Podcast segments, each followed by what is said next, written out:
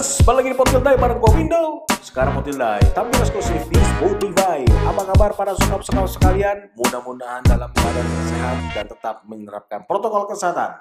Mencuci tangan, memakai masker, menjaga jarak dan tentunya menjauhi kerumunan. Oke, kali ini edisi H Kali ini gue mau ngomongin soal cinta bertepuk sebelah tangan. Well, pasti para galawers-galawers di sana, para sokap-sokap sekalian pasti ada aja yang menemukan atau mengalami proses cinta tapi kok bertepuk sebelah tangan. Cewek atau cowok gebetannya tiba-tiba begitu diutarakan cinta menolak Anda-Anda sekalian. Kenapa cowok atau cewek tadi gue sebut? Karena yang namanya zaman emansipasi wanita nggak hanya digital aja dong yang maju, tapi wanita boleh dong kalau udah ngerasa serak yang lebih dahulu mengungkapkan cinta. Nah, uh, prosesnya sih sebenarnya menurut gua terlalu cepat. Jadi teman gua yang cowok umurnya sekitar 30-an. Itu baru sekitar empat kali ketemuan itu udah mau langsung ngejer nih. Nah, hasil doi gebetannya si, cowok, si cewek ada rada takut.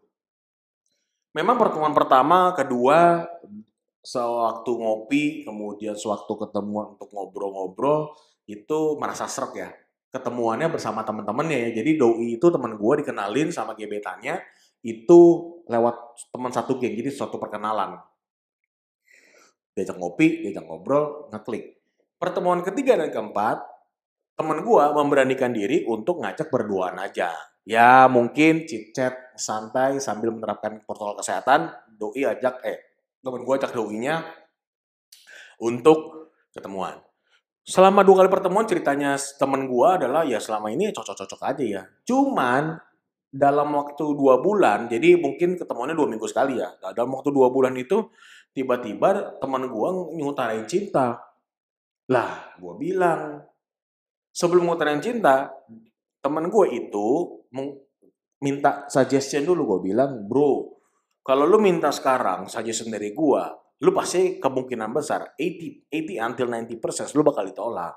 Kenapa? You just get to know her. Bagaimana kita bisa tahu doi dalam waktu sesingkat ini masa pandemi lu mau seberapa intens sih ketemu gitu ya. Memang selain ketemuan memang ada katanya doi ada video callan, ada calling-callingan, sudah memberikan sinyalemen-sinyalemen signal-signal bahwa teman gue itu udah rada rasa suka sama si doi nih, sama gebetannya. Cuma menurut gue is, is, is too quick too fast. Cuman kan namanya peruntungan, namanya mau nyoba kan ya nggak apa-apa. Cuman apa pun hasil yang diperoleh, gue ingetin lagi para sokap-sokap sekalian, janganlah pernah menyesal. Kenapa? Ya lu udah melakukan, menurut lu, lu pasti udah melakukan yang terbaik tetapi menurut lawan lu, lawan lu artinya doi, gebetan itu belum tentu yang terbaik dan belum tentu cocok ya. Mungkin udah terbaik untuk bagi bagi bagi lu orang berdua, cuman memang nggak cocok aja nih sebenarnya. Cuman yang namanya cinta kan selalu digeneralisir ya. Ah cocok nih lu kenapa sih nggak mau terima cinta gue gitu ya. Ditembak lah, eh hey, mau nggak jadi cewek gue gitu ya.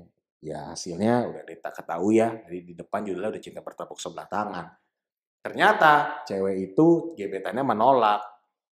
Doi mah, eh, si Doi lagi. Temen gue marah-marah, kenapa lu nolak gue? Gue bilang, lu gak dewasa dong. Gue bilang, kenapa? Ketika lu udah mengutarakan cinta lu ke seorang cewek, lu harus udah berani ngambil resiko cinta lu bakal diterima atau ditolak. Kalau diterima ya alhamdulillah, lu mesti puji syukur, lu mesti jaga baik-baik pasangan lu. Kalau lu ditolak, ya lu harus berani move on. Dan harus berani introspeksi diri. Atau bisa juga lo menganggap bahwa doi itu bukan jodoh lu. Jadi jangan semua serba disedihkan atau ditangisi gitu ya. Alasannya apa kalau ditanya? Doi, gebetan temen gue ini ngomong, belum mas, aku belum mau cari pacar dulu, masih fokus kerja. Karena kan umur udah 30-an juga. Lalu teman gue coret ke gue, hei umur 30-an kenapa sih nggak mau terima gue gitu loh ya? Apa yang lo cari? Apakah lo nggak takut uh, terus growing older tapi tanpa ditemani teman hidup, gua bilang sekarang itu cewek itu mau umur berapapun yang namanya siap untuk menye, untuk untuk beres, untuk menjalin hubungan itu bebas-bebas aja nggak ada nggak kata memandang umur. Lu nggak bisa bilang justify bahwa umurnya sudah uh, getting older itu pasti akan menerima. Nggak begitu lah bos. Butuh suatu chemistry klik nih satu sama lain, hobinya oke nggak bisa diterima nggak? Gue nggak gue nggak bilang bahwa hobinya harus sama, tapi saling bisa melengkapi nggak itu menjadi satu dasar suatu dasar juga. Jadi nggak bisa langsung bilang bahwa ditembak langsung diterima. Lagi pula gue udah bilang, hey bro, lu udah berumur juga, tapi kenapa lu masih childish bahwa lu ngomel-ngomel kenapa dia nggak mau nerima lu sebagai pacarnya? Dia lu harus redoin dia lah, merelakan dia gitu menurut gua. Jadi pesan gua nih para sokap-sokap sekalian, terutama yang para cowok-cowok. Kalau lu udah PDKT kemudian ditolak, ya sudah namanya nggak jodoh, belum jodoh. Kalau lu menarik diri dari pendekatan dan menjauh. Tetapi kalau lu mau terus berjuang meskipun sudah ditolak, ya monggo. Siapa tahu ke depannya berjodoh dan bisa melanjutkan hubungan ke jenjang yang lebih serius. No one knows, boys and girls, ya kan? Semuanya serba berbayang. Gak bisa langsung bahwa, iya nih, dia bakal jadi pacar gua. Dia bakal jadi my future husband or wife. Kita nggak bisa, kita jalanin aja sebaik mungkin. Tapi apa pun keputusan itu, saran gue adalah lu harus siap karena lu sudah mengutarakan kepada yang bersangkutan. Jadi selebihnya adalah tinggal berpasrah diri aja. Kalau menurut gua, kalau sudah ditolak, tanya baik-baik, jangan marah-marah. Tanya baik-baik, eh kenapa nolak gua? Oh, karena hubungannya belum eh, saling mengenal satu sama lainnya belum lama. Ya berarti dia minta waktu.